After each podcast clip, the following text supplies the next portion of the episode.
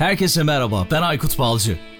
Teknoloji, iş dünyası ve dijitalde trendleri konuştuğumuz Dünya Trendleri Podcast serisinin yeni bölümüne hepiniz hoş geldiniz. Dünya Trendleri Podcast'in 64. bölümünden herkese merhaba. Bu bölümde Doktor Yıldız Tuğba Kara konuğum oldu. Yine gerçekten çok şey öğrendiğim bir bölüm oldu. Umarım siz de yararlanacak, çok şey öğreneceksiniz. Bu bölümde Endüstri 4.0'dan Toplum 5.0'a geçerken Toplum 5.0 vizyonu nedir, neden önemlidir bunu konuştuk. Ve her zaman olduğu gibi yeni bölüme geçmeden önce yine hatırlatmalarım olacak. Twitter, Instagram ve LinkedIn hesaplarımızdan ve dünyatrendleri.com'dan bizi takip edebilirsiniz. Aynı zamanda Ekşi Sözlük ve Apple Podcast'te yorumlarınızla da destek olabilirsiniz. Onlar çok önemli, bizi üst sıralarda gösteriyor.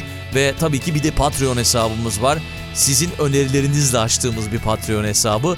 Buradan bize destek olmak isterseniz kendinize uygun bir abonelik modelini seçebilirsiniz ve bu linklerin hepsini de podcast'in açıklama kısmına koyacağım. Oradan ulaşabilir. İster yorum olur, ister destek olur, ister sosyal medya hesaplarımızdan bizi takip etmek olur. Hepsini yapma şansını yakalayabilirsiniz. O zaman bu kadar yeter diyoruz. Her zaman olduğu gibi yeni bölüme, 64. bölüme başlıyoruz. Bu bölümde Toplum 5.0'ı konuşacağız. Toplum 5.0 Enstitüsü Başkanı Doktor Yıldız Tuğba Kurtuluş Kara konuğum oluyor. Tuğba Hanım şu anda İngiltere'de. Ben de her zaman olduğu gibi Almanya'dayım. Selamlar, hoş geldiniz Dünya Trendleri Podcast'te Tuğba Hanım. Hoş bulduk Aykut Bey. Çok teşekkür ederim davetiniz için. Dünya Trendleri programını ben de ilgiyle izliyordum ve konuk olmak çok güzel bugün. Çok teşekkür ederim. Güzel bir konuyu işleyeceğiz. Endüstri 4.0'dan Toplum 5.0'a geçerken Toplum 5.0 vizyonu nedir? Neden önemlidir? Bunu konuşacağız. Aynı zamanda tabii şimdi ben sizi enstitü başkanı olarak tanıttım ama bir de radyo programınız var. Tabii hani böyle bir meslektaş durum da var yani öyle de diyebilirim. Evet ayrıca bu yüzden de çok mutluyum ve müteşekkirim. Ben de ST Endüstri Radyo'da Toplum 5.0 ile ilgili bir program hazırlayıp sunuyorum. Onda da Toplum 5.0'ın çok farklı boyutlarını ele alıyoruz ama bugün sizinle birlikte Toplum 5.0 vizyonu nedir ve neden önemlidir konusunu ele alabilmek bence çok önemli. Bu konuda daha çok farkındalık yaratmaya ihtiyaç olduğunu hissediyorum. O zaman böyle bir yandan radyo programı bir yandan işte bu Toplum 5.0 konusunda farkındalık yaratma çabaları, güzel çalışmalar, enstitü başkanlığı. Doktor Yıldız Yıldız Tuğba Kurtuluş Kara'yı bir tanımak isteriz açıkçası. Bir kısa tanıdıktan sonra asıl konumuza gireriz. Tabii ki. Kısa kendimi tanıtayım. Ben 1978 Ankara doğumluyum. Lisans eğitimimi Ankara Üniversitesi Siyasal Bilgiler Fakültesi Uluslararası İlişkiler bölümünde tamamladım. Ardından Bilkent Üniversitesi'nde Uluslararası İlişkiler Master'ımı yaptım. Londra'da London School of Economics'te Uluslararası Ekonomi Politik alanında yine çalıştım. Master e, derecesi aldım oradan da. Ve Ankara Üniversitesi'nde de Avrupa Birliği ve Uluslararası uluslararası ekonomik ilişkiler alanında doktoramı tamamladım. Basılı bir kitabım ve çeşitli hakemli dergilerde uluslararası ticaret alanında makalelerim var. Mesleki hayatıma Dünya Bankası ve Avrupa Birliği projelerinde proje danışmanı olarak, proje yönetiminden sorumlu danışman olarak görev yaparak başladım. Ardından da Ticaret Bakanlığı'nda 13 sene ikili ve çok taraflı ticari ilişkilerimizin geliştirilmesi ve bu alanda temsilde rol alma, görev alma imkanım oldu. Sonrasında ailece İstanbul'a taşınmamız gerekti eşimin özel özel sektördeki iş değişikliği nedeniyle ve ben de özel sektöre geçme kararı aldım. DHgate.com Alibaba'dan sonra Çin'in en büyük ikinci sınır ötesi e-ticaret platformu ve işte COBİ'lerimize çok ciddi imkanlar sağlıyor yurt dışı açılımları anlamında.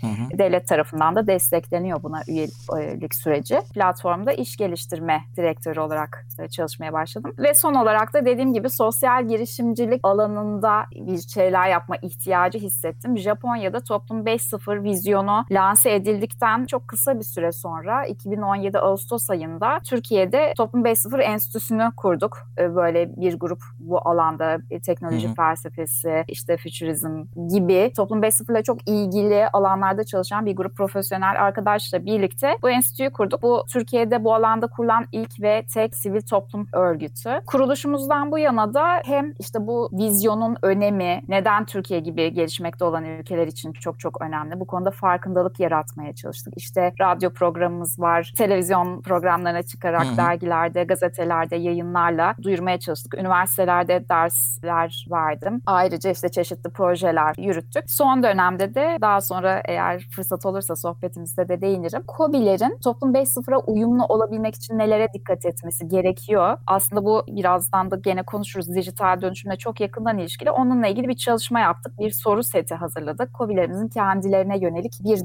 değerlendirme yapıp yol haritası çizmelerine yardımcı olacak bir çalışmamız var. Böyle devam ediyoruz bu konudaki Harika. çalışmalarımıza. Sağ olun. Süper gerçekten. Şimdi yani bizim dünya trendlerinin geçmiş bölümlerine şöyle bir baktım. Biz tabii teknoloji trendlerini konuşuyoruz. İşte dijital dünyayı konuşuyoruz. Zaman zaman böyle yönetimle ilgili konular araya serpiştiriyoruz ve işte girişimcilikle ilgili konular da konuşuyoruz ama şöyle bir geriye baktığımda işte konuştuğumuz konular arasında işte siber güvenlik, nesnelerin interneti, otonom araçlar, AR, VR bu konuları hep işledik. İşte bulut sistemler, simülasyonlar, 3D yazıcılar ara ara podcast'in başka başka bölümlerinde bunlardan da konuştuk. Büyük veriyle ilgili bir bölüm planladık ama hala konuğumuzu bekliyorum. Onunla ilgili de bir bölüm yapacağız. Şimdi bunların hepsi aslında Endüstri 4.0'ın bileşenleri olarak kabul edebiliriz. Evet. Ve şimdi bir de Toplum 5.0 işte sizin bu farkındalığı yaratmaya çalıştığınız enstitünüzle birlikte Toplum 5.0 karşımıza çıkmış durumda. Aslında 2016'da Japonya'da ortaya atılmış. Daha sonra bildiğim kadarıyla Almanya'da ilk defa daha geniş bir kitleye ulaşmış bir fuarda ve işte bu Endüstri 4.0'dan Toplum 5.0'a geçtik mi? Geçiyor muyuz? Hani biz hala Endüstri 4.0 bileşenlerini konuşuyoruz. Toplum 5.0'a geçiş nasıl oldu? Belki biraz evet. bundan bahsederek giriş yapabiliriz. Tabii ki çok teşekkürler. Çok iyi olur belki konunun daha sağlıklı anlaşılması açısından. Şimdi hep Endüstri 4.0'ı konuştuk. Çok önemli bir kavram. Aslında bu bir takım teknolojilerin, işte yapay zeka, nesnelerin interneti, büyük veri gibi teknolojilerin iş hayatını dijital dönüşüme uğratmasıyla ilgili bir kavram. Ve hı hı. Endüstri 4.0'ı konuşurken hep bu dijital dönüşümün iş yapış şekillerimizi nasıl dönüştürdüğüne odaklanırken insan odağını ıskaladığımızı gördük Aykut Bey. Yani dünya olarak bunun farkına vardık. Şunu gördük ki insan odaklı olmayan bir dijital dönüşümün başarılı olması mümkün değil. Ee, sadece bir takım teknolojileri satın alıp bunu e, firmamızın bünyesine kazandırarak beklediğimiz verimlilik artışını da gerçekleştiremiyoruz yapıyoruz. Mutlaka hem o firmanın ihtiyaçlarına göre kurgulamak gerekiyor o dijital dönüşümü. Bütün firma personelini işin içine katarak yapmak gerekiyor. Personelin eğitilmesi ve o teknolojileri benimsemesi gerekiyor. Onların ihtiyacını öne koymak gerekiyor. Buradan da şu noktaya geldik. Yani farklı bir yaklaşıma ihtiyaç olduğu görüldü. Endüstri 4.0 yaklaşımının bu anlamda kadük kaldığı yani bu insan odağını ıskalayarak başarısız olduğu daha bütünsel bir yaklaşıma, dijital dönüşüm konusunda insanı oda alan, değer odaklı, bütünsel bir dijital dönüşüm yaklaşımına ihtiyaç duyulduğu görüldü. Toplum 5.0 vizyonu aslında bu ihtiyacı karşılıyor. Çünkü Endüstri 4.0 teknolojileri tabir ettiğimiz tüm bu teknolojiler yalnızca iş yapış şekillerimizi değil, hayatımızın her alanını, yaşantımızın her alanını işte sağlıktan eğitime, aklınıza gelebilecek her konuda bir dijital dönüşüm söz konusu, bir dönüşüm söz konusu doğrusu. Dolayısıyla toplum 5 5.0 dediğim gibi Endüstri 4.0'ın eksik kalan yönlerini tamamlayan bütünsel, insan odaklı ve değer odaklı bir dijital dönüşüm yaklaşımını ifade ediyor. Hı hı. Süper akıllı toplum diye de adlandırıyorlar evet. galiba. E, evet. Bu şekilde adlandıranlar da var. Oradaki 5.0'ı da şöyle açıklayayım tam hani yeri gelmişken aslında Endüstri 4.0'dan sonra gelen bir aşama gibi algılanabilir toplum 5.0 ikisini biz peş peşe tartıştığımız için. Ancak toplum 5.0 vizyonundaki 5 insanoğlunun e, gelişme aşamalarında bugüne kadar kaydettiği süreç çerçevesinde işte ilk önce avcı toplumduk, toplum 1.0. Ardından yerleşik hayata geçtik, tarım toplumu olduk işte makinalaşma, e, fabrikalarda e, üretime geçiş, bu hali makinenin icadıyla sanayi toplumu yani toplum üst sıfıra geçtik. İşte bilgisayar, cep telefonlarının hayatımıza girmesiyle bilgi toplumu bilgi olduk. Toplumu. Bilgiye çok kolay erişebilir olduk. Ve sizin de söylediğiniz gibi işte bu nesnelerin interneti, büyük e, veri, yapay zeka gibi teknolojilerle birlikte süper akıllı toplum veya akıllı toplum dediğimiz toplum 5.0 aşamasına geldik. Oradaki 5 Endüstri 4.0'ın devamı değil ama tam da Endüstri 4.0'dan sonra gündeme gelen bir vizyon olması açısından da böyle sanki peş peşelik e, arz ediyor. Hı hı. Zaten şey hani siz de dediniz ya Endüstri 4.0'la birlikte böyle birazcık işte iş yaşamının geleceği çok fazla konuşulmaya başlandı. Evet. Yani işte teknolojik değişim ve gelişmelerin mevcut olan potansiyel iş gücünü nasıl etkileyeceği en çok merak edilenler arasında yer alıyor daha çok. Ve işte bununla ilgili araştırmalar da var. İş yaşamında insanın geleceğini tahmin etmeye çalışan birçok araştırma yapılıyor. Hani işte toplum 5.0'la birlikte o teknoloji insanların işini elinden alacak mı gibi işte robotlar gelecek, işte insanlar işlerini kaybedecekler gibi gibi örneklerle karşılaşıyoruz. Hatta işte siz daha iyi bilirsiniz 2018 yılındaydı sanırım. İlk defa İngiltere'de insansız hava araçlarıyla bir yıl boyunca bir hektarlık bir tarlaya buğday ekilip sürülüp ilaçlanıp ve hasadı yapıldı. Bunu yaparken de hiçbir yardım almadan robotlar işte bunu gerçekleştirdi. Buradan da işte e, toplum 5.0 vizyonuna gireceğim. Yani işte korkmalı mıyız? Bu vizyon nasıl bir vizyon? E, kimisi de felsefe diyor buna. Toplum 5.0 felsefesi. Bu toplum evet. 5.0'ı ve bu vizyonu nasıl tanımlarsınız? Evet. Şimdi toplum 5.0 vizyonunu çok kısaca toplum için teknoloji sloganıyla tanımlamak mümkün. Toplumsal dijital dönüşüm yoluyla insan odaklı ve sürdürülebilir bir toplum yaratma vizyonunu ifade ediyor toplum 5.0. Yani mevcut en güncel teknolojilerden yararlanarak biz sorunlarımıza nasıl çözüm geliştirebiliriz? Zaten ana vatanı olan Japonya'da da toplum 5.0 vizyonunun çıkış noktası bu olmuş. Japon ekonomisi çok güçlü, çok başarılı, özellikle teknolojik anlamda çok üretken bir ekonomiyken yaşlanan nüfus yapısıyla birlikte bu ekonomik başarının sürdürülebilir olmaktan çıktığını görüyorlar ve buna teknolojik gelişmeler yoluyla nasıl çözüm geliştirebiliriz arayışındayken toplum 5.0 vizyonunu ortaya koyuyorlar. Bunu aslında bizim böyle 4 senelik 5 senelik kalkınma planlarımız gibi ortaya koyuyorlar. 5 yıllık bir teknoloji kalkınma hamlesinin ismi toplum 5.0 vizyonu ama daha sonra Hı. bunu her alanda bir koordineli politika yaklaşımı olarak sürdürmeye devam ediyorlar. Ne yapıyorlar? Mesela hasta bakıcı robotlar konusunda Japonlar dünyada bir numara oluyor. Hı. Çünkü yaşlanan nüfusa bakacak kimse yok. Veya bazı alanlarda istihdam eksikliği var. Kamyon şoförü mesela istihdam konusunda sıkıntı yaşıyorlar. İşte birkaç kamyonu araç içi radar sistemiyle birbirine bağlayarak bir kamyon kervanı yapıyorlar. Yine otonom araçları en ücra köşelere kadar hizmete sokuyorlar. Çünkü normalde hani piyasa koşullarında orada nüfus az, gelen giden az ama oradaki insanın da ihtiyacı var şehre gidip gelme konusunda gibi. Yani sosyoekonomik anlamda ne gibi sorunlar varsa biz bu sorunlara nasıl çözüm geliştirebiliriz diye bakıyorlar ve Avrupa'da da Mission Oriented Innovation denilen yani misyon odaklı inovasyon yaklaşımıyla yaklaşıyorlar. Devlet teknoloji firmalarına gidip görevlendiriyor. Diyor ki yani sen ARGE çalışmalarını şu alana yönlendir. Bana bu konuda çözüm geliştir. Böyle bir koordineli bir toplum toplumsal çaba söz konusu. Hem eğitim reformuna gidiyorlar. Yeni dönemin gerektirdiği yetkinliklerde çocuklarını daha anaokulundan itibaren yetiştirmeye başlıyorlar. Japonya'da dediğim gibi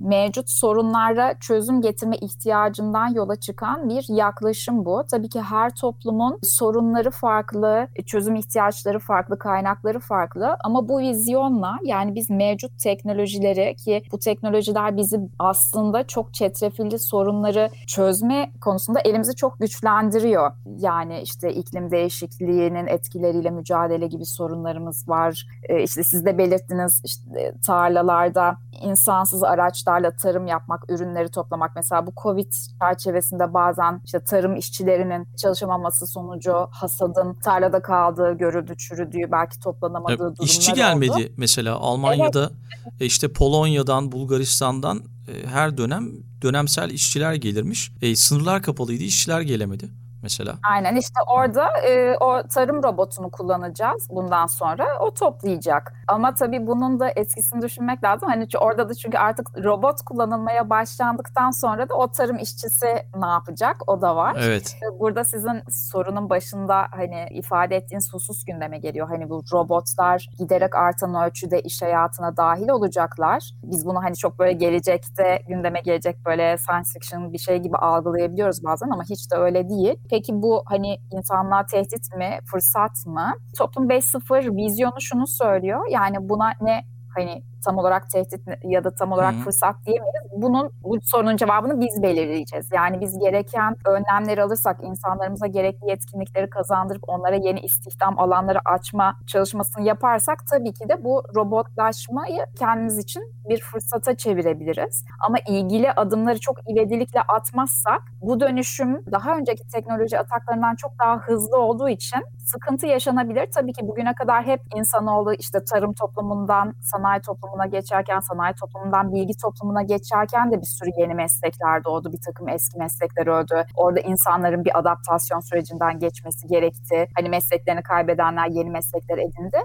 Bugün de gene aynı adaptasyon tabii ki insanoğlu olarak her şeye alışabilen, her şeye adapte olabilen bir canlı türüyüz. Ama bugünkü dönüşüm çok daha hızlı. Dolayısıyla bu hıza ayak uydurabilmek toplumsal anlamda daha zor ve o hıza ayak uyduramazken bir takım sosyal çalkantılar, işsizlikler, göçler, sıkıntılar yaşayabiliriz. İşte toplum 5.0 vizyonu bu yüzden önemli. Bu farkındalıkla hareket edip kaynakları idareli kullanmak, koordineli kullanmak, işte o mission oriented innovation innovation yaklaşımıyla yani bir inovasyon yapacaksak da o inovasyonun mutlaka bir hedefe hizmet etmesi. Daha sonra tekrar değiniriz bu toplum 5.0'da mesela kurumsal sosyal sorumluluk anlayışı çok değişiyor artık. Herkesin elini taşın altına koyması gerektiği bir dönemdeyiz. Çünkü önümüzdeki sorunlar çok çetrefilli. Ne tek başına devletin e, çözebileceği yani mutlaka özel sektörün, sivil toplumun Hı. katkıda bulunması gereken şeyler. Tek başına bir devletin çözebileceği şeyler değil. Mutlaka uluslararası işbirliğine gidilmesi gereken konular. Bütün bu tablo özellikle de tabii Covid-19'un da hayatımıza girmesiyle çok daha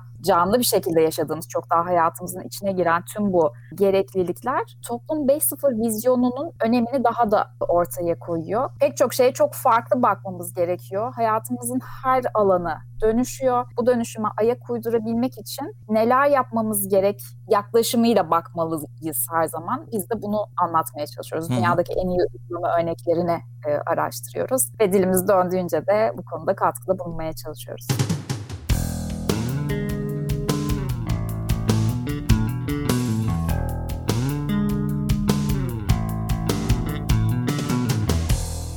toplumun teknolojiye uyumunun sağlanması anladığım kadarıyla evet. özet geçersem yani. Evet. Bir de değişim ihtiyacının kitlelere anlatılması diyebiliriz. Evet. E, tabii burada Çok... şey var işte yaşlanan dünya nüfusuna işte çevreye, doğal afetlere yönelik çözümler üretiyor Toplum 5.0. Sanal dünya ile gerçek dünyanın beraber işler hale getirilmesini sağlıyor. İşte o nesnelerin internetinden toplumun çıkarlarını gözetip bir takım faydalar sağlanmasını hedef gösteriyor. Aslında ben de katılıyorum. Bir yardımcı olarak algılanması gerekiyor. Bir tehdit olarak algılanmaması gerekiyor bence toplum 5.0'ın. Çünkü belki bazı meslekleri kaybedecek insanlar böyle bir kaygı içerisindeler ama onun dışında yeni yeni şeyler, yeni yeni meslekler de doğacak. O yüzden bir tehdit diye düşünmüyorum. Kendi yorumum böyle böyle. Yok yani e, doğru söylüyorsun. Teknolojiler her zaman yeni teknolojiler hem fırsatları hem tehditleri bünyesinde aynı anda barındırıyor. İşte o fırsatları iyi değerlendirmek ve tehditleri de tehdit olmaktan çıkarmak lazım. Yani süreç yönetimi çok önemli. O süreci teknolojik dönüşüm sürecini iyi yönetebilme vizyonu da diyebiliriz belki Toplum 5.0'a. Şimdi bu Toplum 5.0'la bir değişim içerisinde olacağız ama yani bu Covid'le de birlikte bir değişim yaşadık yani bir senedir hala da yaşamaya devam ediyoruz. Ne mesela yönetim şekilleri değişiyor, işte şehirleşmeler değişiyor, yaşayış biçimimiz bir de toplumsal değerlerimiz de değişiyor. Aynı zamanda işte önümüzdeki günlerde e, teknolojik olarak baktığımızda insansız fabrikaların geleceğini, iş modellerinin değişeceğini, e, her alanda yeniliklerin değişimin olacağını düşünüyoruz ve aynı zamanda da yaşıyoruz bir anlamda bu değişimi. Toplum 5.0'ın getirdiği yeniliklerden bahsetsek biraz. Onlar neler acaba? Tabii ki. Ee, şimdi bugüne kadar hep ekonomik değer yaratma, ekonomik verimlilik odaklı olarak gerçekleştirdik ekonomik faaliyetlerimiz. Yani tüm iktisadi sistemin temelinde ekonomik değer yaratma vardı. Artık bugünden itibaren ekonomik değer yaratma yeterli değil. Bunun yanı sıra mutlaka sosyal fayda yaratma zorunluluğu gündemde. Yeni bir husus olarak bundan bahsedebiliriz. Çok daha fazla konuştuğumuzun hepimiz farkındayız. İşte sürdürülebilirlik, döngü döngüsel ekonomi. Çünkü insanoğlu olarak, insanlık olarak Covid ile birlikte bunu gördük. İşte doğal kaynaklarımızı ne kadar hor kullandığımızı, çevreye ne kadar zarar verdiğimizi, e hani hep söyledik işte doğa bizden intikamını alıyor diye de düşündük. Yani artık işte nüfus artıyor, ihtiyaçlarımız artıyor her anlamda gıda olsun, enerji olsun ama kaynaklarımız azalıyor. Dolayısıyla çok daha farklı bir yaklaşıma ihtiyacımız var. Tüketimde de çok daha sorumlu e, tüketiciler olmaya ihtiyacımız var. E, bunu fark ettik. Bu bizim alışkanlıklarımızı da değiştiriyor. Bireysel olarak herkesin farkındalıkları ve tercihleri değişiyor. Firmalar bazında da dediğim gibi artık ekonomik değer yaratmanın yanında mutlaka sosyal değer yaratmak, çözüm üretmek, artık bir çözüm ekonomisine geçiyoruz. Yani bir mal veya hizmet yaratmaktan ziyade mevcut bir soruna çözüm geliştirmek esas ekonomik değeri de yaratan husus olacak bundan sonra. Dolayısıyla yani en temel yeniliğin bu paradigma değişikliği olduğunu söyleyebilirim Toplum 5.0 ile birlikte. Yine Japonya bu e, vizyonu kendi G20 dönem başkanlığı sırasında Birleşmiş Milletler'in sürdürülebilir kalkınma hedeflerini gerçekleştirmede değerlendirilebilecek güçlü bir metodoloji olarak da ortaya koydu ve bu anlayışı da geliştirmeye devam ediyor. Yani yine başlangıçta da belirttiğim noktaya dönecek olursam sürdürülebilir kalkınma hedeflerinde ifade edilen sorunlar gündemimizde çok ciddi bir şekilde duruyor ve bunları artık hani bertaraf edemeyeceğimizi, öteleyemeyeceğimizi gördük. Covid ile birlikte bunu çok daha hızlı bir şekilde hissettik. Bunlara yönelik çözüm üretmek. Birinci önceliğimiz Toplum 5.0 vizyonu da bu anlamda bize çok ciddi bir araç e, sunuyor. Teknolojiyi ve mevcut kaynaklarımızı tamamen bu hedeflere yönlendirmek ve ekonomik değer yaratırken aynı zamanda da sosyal fayda yaratacak şekilde işlerimizi, iş tanımımızı, iş modellerimizi değiştirme ihtiyacı Toplum 5.0'ın getirdiği en önemli yenilik diyebilirim. Şimdi bu Covid-19 nedeniyle Toplum 5.0'ın hedeflerine ulaşmasında biraz daha hızlı e, hareket ettiğimizi düşünebiliriz belki. Örnek verecek olursak işte hani işe gitmemekten bahsettik ya her gün ofisten çalışıyoruz. İnsanlar ofise gelmiyorlar ve Toplum 5.0'ın çevresel hedefleriyle de bu örtüşüyormuş siz daha iyi biliyorsunuzdur. Yapılan araştırmalara göre çalışanların sadece haftanın yarısında evden çalışması sera gaz emilimini her yıl 54 milyon ton azaltıyormuş.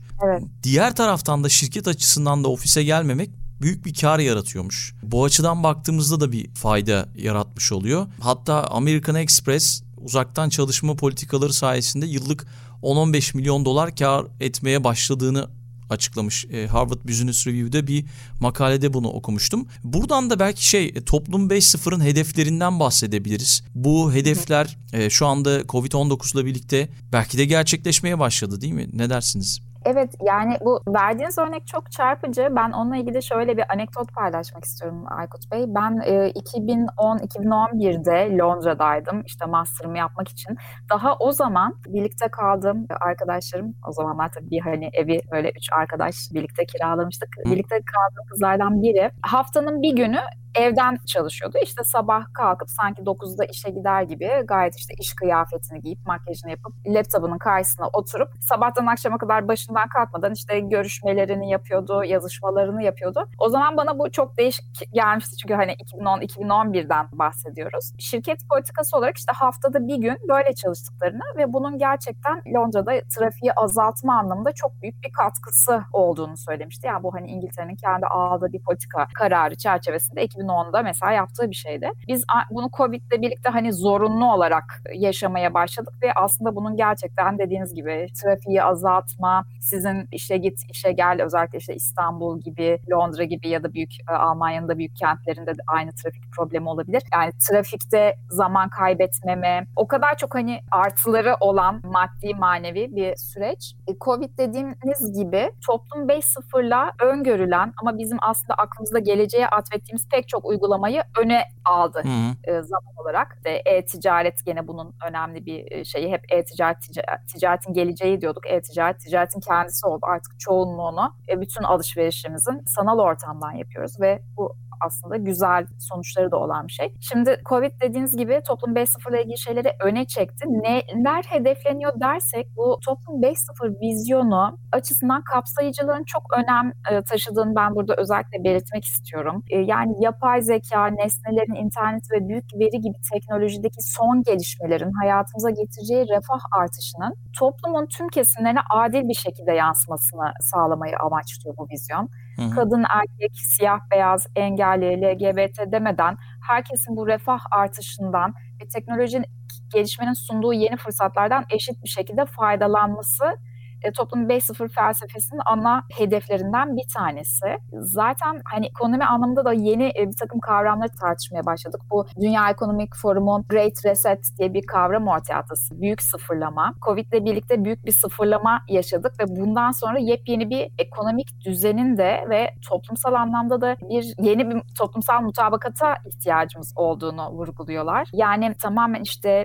kapitalizmin bu çılgın işte ekonomik kazanç, kar odaklı yaklaşımından ziyade o refah artışını daha adil yapma ihtiyacı ki son dönemde yine küresel düzeyde yaşanan bir rahatsızlık vardı. Hani küreselleşmenin nimetlerinden eşit bir şekilde yararlanamadığımız, işte zenginin daha zengin olurken fakirin de e, bir miktar hani bir da, miktar iyileşmekle birlikte o refah artışının adil yansımamasından kaynaklanan bir rahatsızlık söz konusuydu ve bunun bazı siyasi tercihlere, toplumsal tercihlere de yansımaya başladığını da görmüştük. İşte Toplum 5.0 vizyonu neyi hedefliyor derken işte kadın girişimciliğinin gelişmesini hedefliyor mesela. Çünkü Dünya Bankası'nın yaptığı çalışmalar Toplum 5.0 vizyonuyla bu gerekli destekleyici adımlar atılmazsa teknolojik gelişmelerle toplumsal cinsiyet eşitsizliğinin kadın aleyhine artacağını saptamış durumda. Hmm. E, burada kadınların işte STEM eğitimi, STEM alanında yani Science, Technology, Engineering and Math denilen. Bu alanlarda eğitime daha çok teşvik edilmesi, bu alanlarda mesleklere yönlendirilmesi, onların dijital okur yazarlıklarının artırılması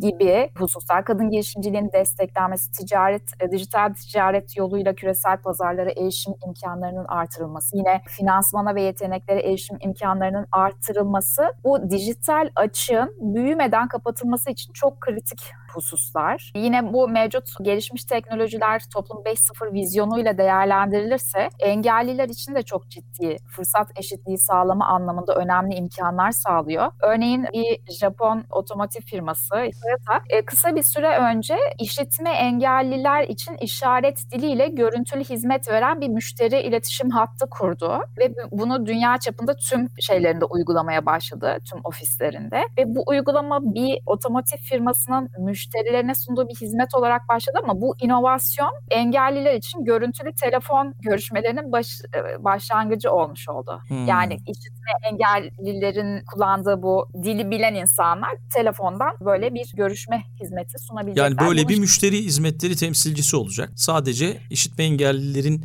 o evet. işaret dilini biliyor olacak ve onların evet. karşısına öyle çıkacak. Sesli değil de. Çıkacak. Evet. Toyota bunu uygulamaya başladı ama şimdi bu şeyi nasıl genele yayabiliriz üzerinde de çalışmaya başladılar Toyota'nın bu uygulaması üzerine. Yani nasıl artık bir hani robot mu söylenenleri anında çeviren görsel bir şey yapacak. Anlatabildim Yani bir Hı-hı. uygulama aslında e, bir inovasyonun önünü açmış oldu ve çok büyük bir hizmet. Aslında artık firmalar artık hep bu yaklaşımla yeni yeni inovasyonların önünü açabilecekler. Bu da tam bir toplum 5.0 örneği olması açısından paylaşmak istedim. Harika bir örnek gerçekten. Kısacası siz altını çok iyi doldurdunuz.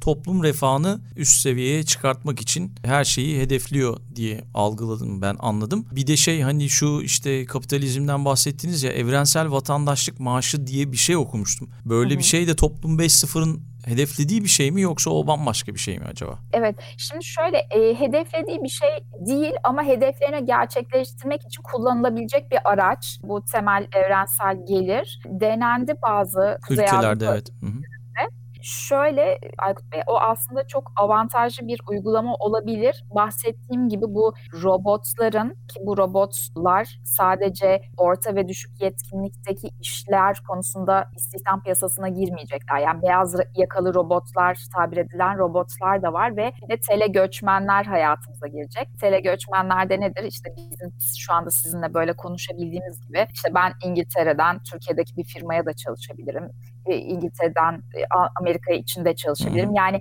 bizzat fiziksel olarak gidip başka bir ülkeye göç etme ihtiyacı duymadan da bulunduğum ülkeden başka bir ülke ofisi için çalışabiliyorum. Bu ne demek oluyor? Sizin mesela Almanya'da başvuracağınız bir iş için yurt dışından da işte Hindistan'dan bir başkasının da size o iş anlamında tırnak içerisinde rakip olabileceği anlamına geliyor istihdam piyasasında. Evet. Yani artık evren, temel evrensel gelir bulaması işte bu işlerini kaybetme riskiyle karşı karşıya kalan insanları yeni istihdam alanları açana kadar onlara işte bir takım yeni yetkinlikler kazandıracaksınız ve yeni işlere yerleştireceksiniz. O sırada işsiz kalıp da ekonomik bir sıkıntı yaşamalarını önlemek için onlara temel bir yaşamlarını idame ettirebilecek bir gelirin devlet tarafından verilmesini ifade ediyor. Bu tabii ki de hani sosyal sorunların, çalkantıların yaşanmasını önlemek açısından önemli bir uygulama. Ama tabii ekonomik kaynak olarak bunu hayata geçirebilecek ülkeler var, geçiremeyecek ülkeler var. Yani her ekonomide o kadar zengin olmayabilir, o kaynaklara sahip olmayabilir. Hmm. Dolayısıyla yeteneklerin geliştirilmesi, yetkinliklerin geliştirilmesi ve eğitim reformu çok ivedilik arz ediyor bütün toplumlar için. Sadece hani gelişmekte olanlar için değil, gelişmiş, gelişmemiş tüm ekonomiler için. Toplum 5.0 sürecine uyum, tehditleri fırsata çevirmek ve bu süreçten en avantajlı şekilde yararlanmak için eğitim reformu, o yetenek setlerinin insanların geliştirilmesi çok önem arz ediyor. Peki evet. şey toplum 5 vizyonunu hayata geçirmek için gerekli adımlar ve varsa karşılaşılan zorluklar neler olabilir? Bir takım kafamda var ama siz daha iyi anlatırsınız. Estağfurullah. Şimdi konuştuğumuz gibi bütün bu teknolojiler muhteşem fırsatlarla birlikte bazı tehditleri de bünyesinde barındırıyor. Özellikle yasal boşluklar söz konusu pek çok teknolojiyle ilgili olarak ve teknolojinin gelişme hızıyla toplumsal uyum hızı arasında bir fark var doğal olarak. Yani aslında zaten en başından beri böyle ola gelmiş. Hep teknoloji daha hızlı gelişmiş. Biz onun arkasından e, bir takım hukuki düzenlemeleri uyarlama ve yetiştirmeye çalışmışız. Ama dediğim gibi şu anda içinde yaşadığımız dönemde çok daha baş döndürücü bir hızla her şey gelişiyor. Dolayısıyla yapay zeka etiği çok önemli bir konu. Algoritmalar çoktan hayatımıza etki etmeye başladı. Bu algoritmalar kurgulanırken, bu yapay zekaya bir şeyler öğretilirken herhangi bir böyle bias olmaması, ön yargı olmaması, o teknolojiyi geliştiren firmanın bir takım kodlamalar yapmamış olması gerekiyor. Hani bu ayrımcılığı ile ilgili olabilir, cinsiyet ayrımcılığı ile ilgili olabilir. Yani orada o yapay zekaya ne gibi değerlerin öğretildiği çok önemli. Çünkü ondan sonra onlar çok gerçekten hayatımıza farklı şekilde etki edebiliyor. Bazı iş ilanlarının farklı yerlerde farklı insanlar tarafından görülebilmesine yol açabiliyor. İşe alımlarda giderek yapay zekanın... Hmm, aynen tam örneği verecektim evet. evet, evet Daha çok erkekleri seçiyormuş mesela. Görüyoruz. Yani evet düşünebiliyor musunuz bunun etkilerini? Yani bir taraftan siz işte toplumsal cinsiyet eşitsizliğinden konuşabiliyorsunuz, konuşuyorsunuz. İşte bir toplumun iki ayağı kadın ve erkek. Hani kadın olmadan mutlaka bir şeyler eksik kalacaktır derken ama yapay zeka hani işe başvuruyorsunuz. Algoritma bir takım şeylere göre CV'nizi seçiyor ve sizin belki çok çok yetkin, yetenekli o iş için en iyi seçenek olabilecekken size eleyen bir sistem var. Ne kadar aslında hayatımızı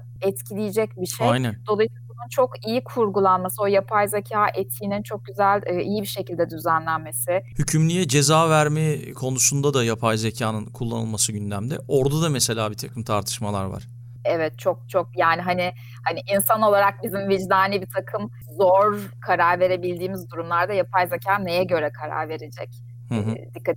gereken çok şey var. Gerçekten çok heyecan verici gelişmeler. Bir taraftan ben de işte programımda yapay zeka hukuku ve etiği konusunda çok değerli bir konuğumu ağırladım. Onun bahsettikleri yani meslekinde mesleğinde ne kadar şeyi kolaylaştırdı. İşte bütün içtihatları tarıyor. Hemen size işte bir saat içerisinde bir rapor hazırlıyor, önünüze koyuyor. Yani bir taraftan hukuk alanında işleri çok kolaylaştıran bir yapay zeka var ama bir taraftan da o insan vicdanının, insani değerleri değerlerin devreye girdiğinde bile karar vermekte zorlanılan çünkü sonuçta bir insanın hayatıyla ilgili karar veriyorsunuz. Belki de işte dediğiniz gibi suç diye bir ceza vereceksiniz. Orada o yapay zeka o kararı nasıl verecek? İşte otonom bir araç bir kazaya karıştı. O kazada evet. bir ölen insanın oldu. Kime ceza vereceksiniz? Neye göre ceza vereceksiniz? Yani çok fazla kararlaştırılması gereken zor konu var Aykut Bey ve bunun mümkün olduğunca toplumun geniş kesimlerinin görüşleri alınarak yapılması lazım. Yoksa bu sadece bir takım teknoloji firmalarının yaptığı bir şey olursa ya da işte o teknolojiyi geliştiren kişilerin değerleri, önyargıları, etik konusuna bakışları çok önemli. Bunlar tehdit olan boyutları. Yani iyi yönetilmezse sıkıntı yaratabilecek boyutları. Yine bu bilim insanlarıyla toplum arasındaki köprünün güçlendirilmesi gerekiyor. Bu alanda Science and Technology for Society Studies diye bir yeni bir disiplin gelişiyor. STS diye geçiyor hı hı. bu. Almanya'da çok gelişmiş durumda bu konudaki çalışmalar. İşte Türkiye'de de ilerleyen bir süreç var. Yani işte o bilim için, toplum için bilim ve insanların da yani toplumun çeşitli kesimlerinin de bilimsel çalışmaları daha iyi anlayabilmesi ve bu ikisi arasındaki köprünün güçlendirilmesi çok önemli. Üniversite sanayi işbirliğinin de çok daha farklı bir noktaya gelmesi gerekiyor. Yani çok daha gelişmesi gerekiyor. Eğitim reformu temel konulardan bir tanesi. Bunun haricinde artık verinin maden olduğu, veriden temel değerlerin yaratıldığı bir sürece giriyoruz. Ama verinin de tekerleştiğini görüyoruz. Bu da aslında Hmm, tabii. Dikkatle takip edilmesi ve kontrol edilmesi, düzenlenmesi gereken bir şey. Çünkü veri çok kıymetli. İşte kişisel verilerimizi korumaya çalışıyoruz ama ne kadar koruyabiliyoruz durmadan. İnternette bir site açıyorsunuz işte bir şey onayla diyor. Onaylama tuşuna basıyoruz ama neyi onaylıyoruz anlatabildim mi? Yani o kadar ilgili, ufak görünen ama önemli detaylar.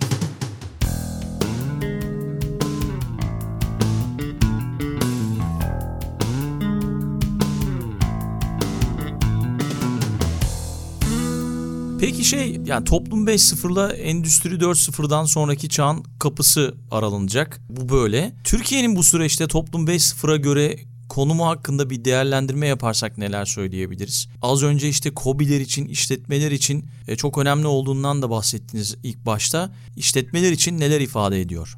Şimdi iki e, aslında kapsamlı... İki soru sordum aslında. Evet, evet iki soru sordum. Vermedim.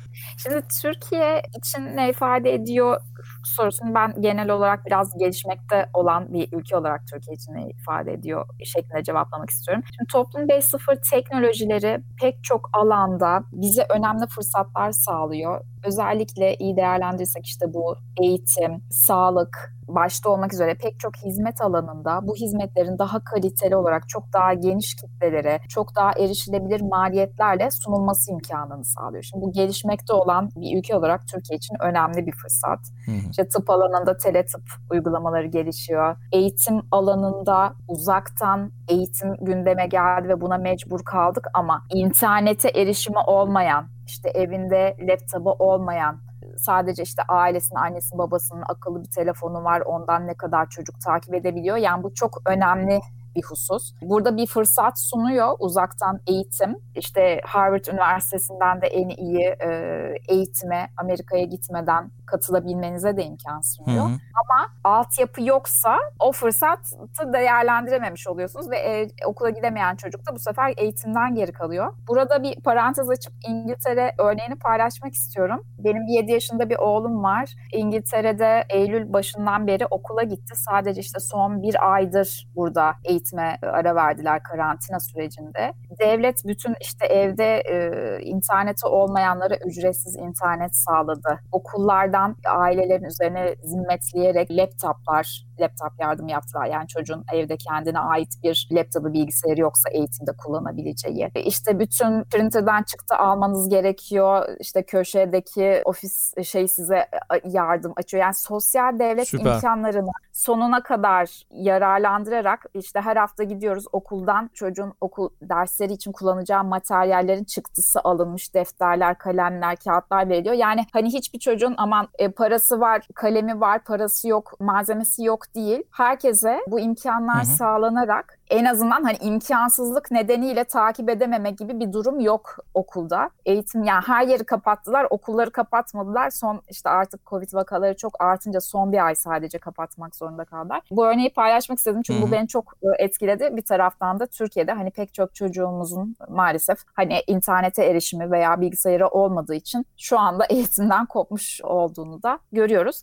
Aynen. Şimdi toplum... Almanya'da da bu arada eğitim eğitim devam etti. Etti. Üniversite bazında uzaktan devam etti ama ve orta dereceli okullar devam ettiler yani. Çok az bir süre evet. sanırım olmadı ama mesela evet. benim kızım da yuvaya gidiyor hala. Hiç gitmemez kapanma olmadı yani olmadı. Yani Hı. evet yani hani eğitimde bir jenerasyonu kaybedemeyiz dediler. Bu da tabii yani tabii ki sağlık çok önemli ama eğitimi yani mutlaka bir şekilde ne yapıp edip tüm imkanları sağlayıp devam ettirmek çok kıymetli. Şimdi Türkiye için ne ifade ediyor da orada kalmıştık. Bu teknolojiler iyi değerlendirirsek bize İngilizce leapfrogging denilen yani gelişmekte olan ülkelerin gelişme skalasında çok daha ileri aşamalara çok daha kolaylıkla sıçramasını kolaylaştıran bir imkan tanıyor. Biz Toplum 5.0 vizyonuyla işte teknolojik okur yazarlığımızı arttırırsak, eğitim reformu reformumuzu gerçekleştirirsek, bu yeni çağın Hı-hı. gerektirdiği yetkinlikler konusunda uzmanlaşma e, da çok sağlıklı hareket edersek ülke olarak bu süreçten çok avantajlı çıkabiliriz. Türk insanı genç ve dinamik bir nüfus ama bu genç ve dinamik nüfus ancak o çok iyi eğitimle bir güce ve fırsata dönüşecektir. Bu leapfrogging etkisini, fırsatını Toplum 5.0'la iyi bir şekilde değerlendirmek gerekiyor. Her ülkenin kendi koşullarına göre çözümler üretmesi gerekiyor. Ben yine e, çarpıcı bir örnek e, paylaşmak istiyorum. Hindistan Başbakanı geçtiğimiz haftalarda Bloomberg'e verdiği bir de, demeçte Çin'e atıf yaparak şöyle bir şey söyledi. Biz dünyanın fabrikası olmayacağız. Biz dünyanın ofisi olacağız dedi. Hmm. Biliyorsunuz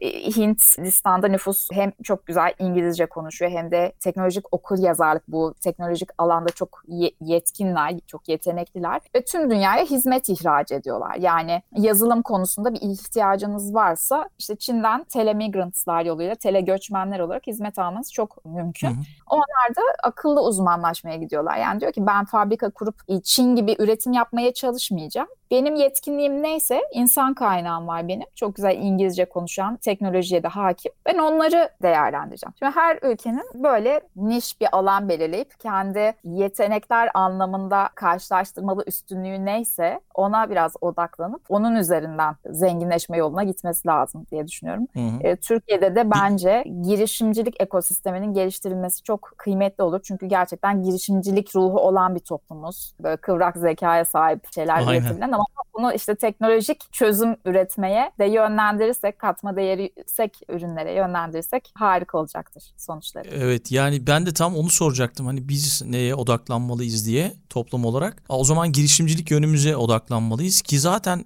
son yıllar içerisinde gençler tamamıyla daha çok girişimciliğe odaklanmış durumdalar. Biz de zaman zaman podcast'te konuk ediyoruz girişimcileri ve son 10-15 gündür de Clubhouse'tan takip ediyorum girişimcilik konuşulan odaları takip ediyorum.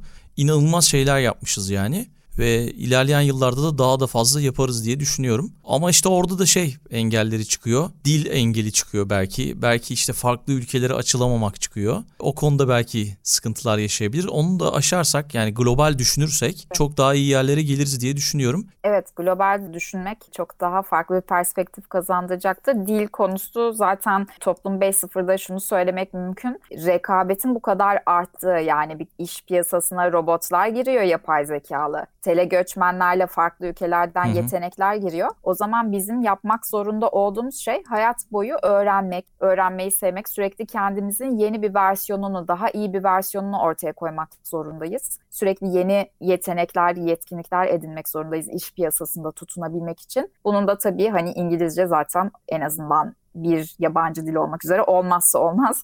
Bu konuyu da herkesin kendi farkındalığıyla çözmek için çaba sarf etmesi gerekiyor. Peki Tuğba Hanım şimdi toplum 5.0 işletmeler için neler ifade ediyor diye sordum ama Belki şunu da ekleyebilirim. Şirketlerimizde kültürel değişimi gerçekleştirmek gerçekten sancılı olabiliyor ve zihin yapısı olarak nasıl bir değişim yaratmalıyız ki toplum 5.0 sürecine adapte olabiliriz? Bunu da eklemiş olayım.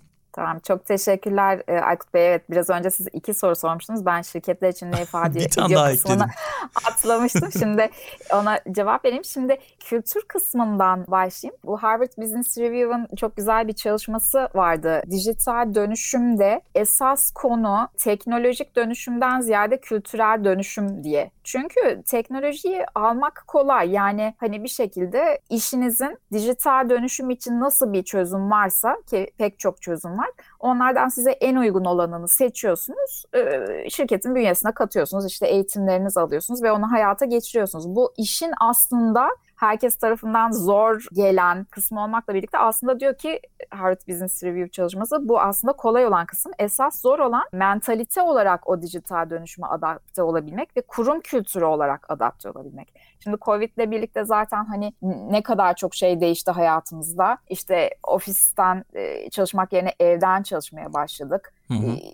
İşte işverenler çalışanlarıyla koordine olmaya çalıştı, işleri koordine etmeye çalıştı onların performansını takip etmekte yeni yaklaşımlar edinmeleri gerekti. İşte sabah 9-5 gibi bir ofis e, şeyi olmadığı için artık çok daha iş odaklı, proje odaklı. Yani hani işverenim bana e, bir iş verdikten sonra işte bana çarşamba gününe bunu teslim et diyorsa ben artık onu 9 ile 5 arası değil de gece yarısı da yapabilirim. Yani artık biraz öyle bir şeye ama mentalite olarak adapte olmak kolay değil. Hani gidişatın gerektirdiği şeyi kabul etmekte insanlar zorlandı. İnsan kaynakları anlamında çok şey değişiyor. Daha yetkin insanlar artık serbest çalışmak istiyorlar, proje bazlı, iş bazlı çalışmak istiyorlar, sözleşmeyle çalışmak istiyorlar. Bu insanlara artık web tabanlı platformlardan ulaşmaya başladınız. Hani böyle platformlar çıktı insan kaynağı anlamında daha yetkin e, kişileri bünyesinde barındıran ve siz oradan o havuzdan artık ihtiyaç duyduğunuz yetkinliklere sahip iş gücünü bulmaya başladınız gibi. Yani insan kaynakları, çalışan deneyimi öne çıkmaya başladı. İnsanların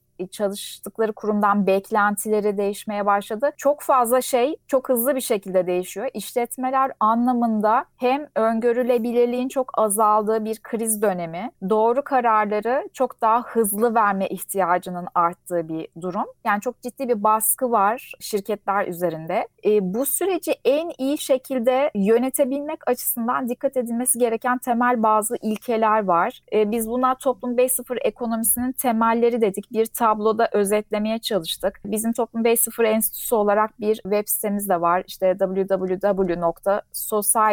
rakamla 5 yazıyla zero.org diye. Buradan da bu tabloyu ilgilenen e, olursa görebilir. Londra e, merkezli bir firma da bu anlamda çalışan kurduk. Firmalara bu alanda da koçluk hizmeti, danışmanlık hizmeti de vermeye başladık. Şimdi bu ilkelerin neler olduğunu çok kısaca özetlemek istiyorum. Yani firmalarımızın, işverenlerimizin işlerinin toplum 5.0'a uyumluluğunu ölçmek için veya kurgularken ne gibi adımlar atmaları gerektiğini değerlendirirken göz önüne alması gereken hususlar bunlar. E, bir tanesi veri odaklı büyüme. Artık elimizde ne gibi bir veri var? Bu veriyi değerlendirerek müşterilerimize sunduğumuz ürün veya hizmeti nasıl daha da iyileştirebiliriz? Onların ihtiyacına cevap verir nasıl çok daha güzel bir değer ortaya koyabiliriz? Çünkü artık bizi rakiplerimizden ayıracak olan ihtiyaca cevap veren nasıl daha iyi bir e, değer sunduğumuz olacak ve büyük veri analizinden yararlanarak bu konuda kendimize çok çok güzel imkanlar yaratabiliriz. Büyük veri analitiği çok önemli bir husus. İkinci bir husus değer odaklı dijital dönüşüm. Firma bünyesinde dijital dönüşümü kurgularken sadece bir takım teknolojileri satın alıp bunun böyle IT departmanının anladığı diğer insanların yabancılaştığı, belki kendi işlerine tehdit olarak gördüğü bir takım teknolojiler olmaktan çıkarıp tüm e, firma çalışanlarının işin içine sürece dahil olduğu, sorunların ortaya konduğu ve firmanın ana amacına hizmet edecek dijital dönüşüm çözümlerinin birlikte kararlaştırılması. Çünkü piyasada çok fazla çözüm var. Bunlardan size en iyi hangisinin hizmet edeceğini de ancak sizin insan kaynağınız bilir. Bunu en iyi şekilde değerlendirecek olan da onlar. Bir tanesi insan sermayesi. Yeni dönemde artık robotlar öne çıkıyor dedik ama robotla birlikte bireyin de çok öne çıktığı, insanın her zaman temel değer olacağı bir teknoloji. Çünkü teknolojik dönüşüm çünkü o mevcut teknolojilerden en üstün değeri yaratacak olan da gene insan. O yetkinliğe sahip insan. Dolayısıyla o yetkinliğe sahip insanları buluşturmanız gerekiyor. Yani sizin artık işe işte ben bu ürün ve hizmeti üretiyorum. Bunları üretmek için kimliği istihdam etmeliyim diye bakmak yerine ben en iyi yetenekleri kendi kurum bünyemde nasıl e, toplayabilirim? Onlar için nasıl hmm. iyi bir çalışan deneyimi yaratabilirim? Nasıl bir cazibe merkezi olabilirim? Ben en iyi yetenekleri kendime çektikten sonra zaten onlar en iyi işi ortaya koyacaktır yaklaşımıyla. Hani hep böyle insanı odağa alan, insanı temel alan bir yaklaşımla artık iş modelimizi gözden geçirmemiz gerekiyor. Bir diğer husus e, toplum 5.0 odaklı kurumsal sosyal sorumluluk yaklaşımı. Artık kurumsal sosyal sorumluluk firmalar açısından belli bir para ayırdıkları, belli bir bütçe ayırdıkları bir projeler bütünü ve bu projelerle işte müşterilerine daha hoş görünecekleri bir çalışma olmaktan e, çıkacak. Böyle bir e, kurumsal sosyal sorumluluk anlayışı tarihe karışıyor. Kurumsal sosyal sorumluluk terimi de artık hatta kullanılmayabilir. Çünkü artık sürdürülebilir kalkınma hedeflerine hizmet eden ve döngüsel ekonomiye e, katkıda bulunan faaliyetlerin bir yan proje unsuru olmaktan çıkıp şirketin ana stratejilerinin temelinde yer alacağı bir yaklaşıma geçiliyor. Yani biz üretim sürecindeki her işlevimizde döngüsel ekonomiye nasıl katkıda bulunabiliriz? Kurumsal e, pardon sürdürülebilir kalkınma hedeflerine nasıl katkıda bulunabiliriz anlayışıyla tüm süreçlerin yeniden kurgulanması gerekiyor.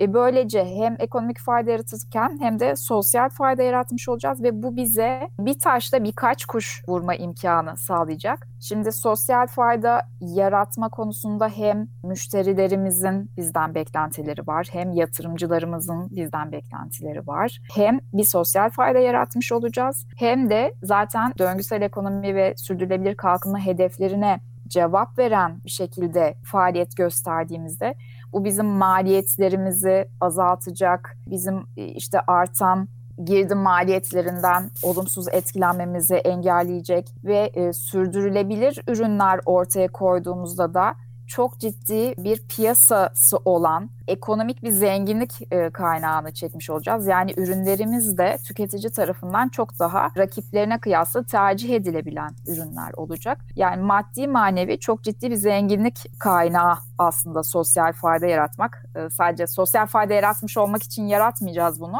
Bu bizim zaten ekonomik e, rasyonelimize de hizmet eden bir şey olacak. Aynı zamanda artık çalışanların da böyle bir sosyal faydaya katkıda bulunmakla kendilerini oraya ait ait hissetme arasında bir özdeşleştirdiklerini görüyoruz. Yani insanlar artık maaşlarına göre karar vermiyorlar nerede çalışmak istediklerine. Özellikle gençler yani bir faydaya hizmet ediyor olmak da istiyorlar. Buna göre karar veriyorlar. Biraz önce işte en iyi yetenekleri kurumumuza çekmekten bahsettik. Şimdi en iyi yetenekler için de bir yarış söz konusu. Bu yetkinliklere sahip insanlar az. Onların X şirketi yerine sizin şirketinizi de çalışmayı tercih etmesi için de onlara böyle bir kurum kültürü ve ortam sunmanız gerekiyor. Dediğim gibi toplum 5.0 odaklı bir kurumsal sosyal sorumluluk yaklaşımı yani e, aslında sürdürülebilir kalkınma hedeflerine ve döngüsel ekonomiye hizmet eden bir ekonomik faaliyet bütünü sunmakta size kazan kazan anlamında çok çok e, avantajlı bir duruma getiriyor. Son olarak da geleceğe uyumluluk dediğimiz bir bileşenimiz var. Bu da işte kurum kültürü, organizasyonel yapı ve liderlik anlamında sürdürülebilirlik, çeviklik, esneklik ve güvenilirliği ifade ediyor. Bizi tüm bunları bir yol haritasına dönüştürürken de tasarımcı düşünce, düşünme yöntemlerinden yararlanıyoruz. Kısaca toplum 5.0'a uyumluluk firmalar açısından bunu ifade ediyor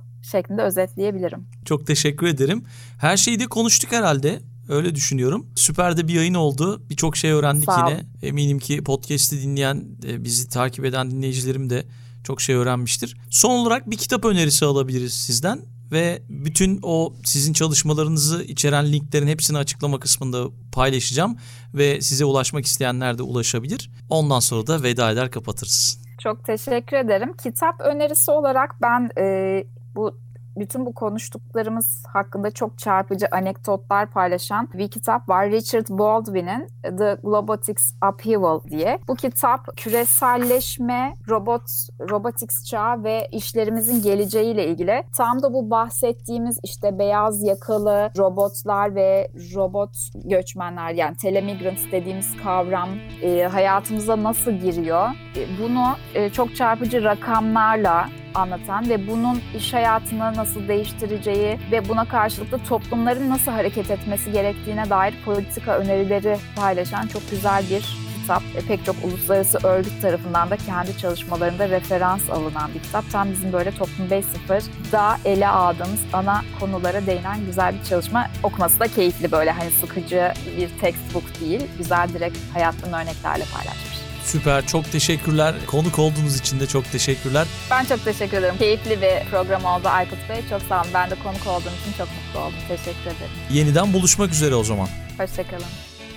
Dünya Trendleri Podcast serisinin bu bölümünün sonuna geldik. www.dünyatrendleri.com Twitter'da Dünya Trendleri, Instagram'da Dünya.Trendleri adreslerinden Dünya Trendleri Podcast'i takip edebilirsiniz.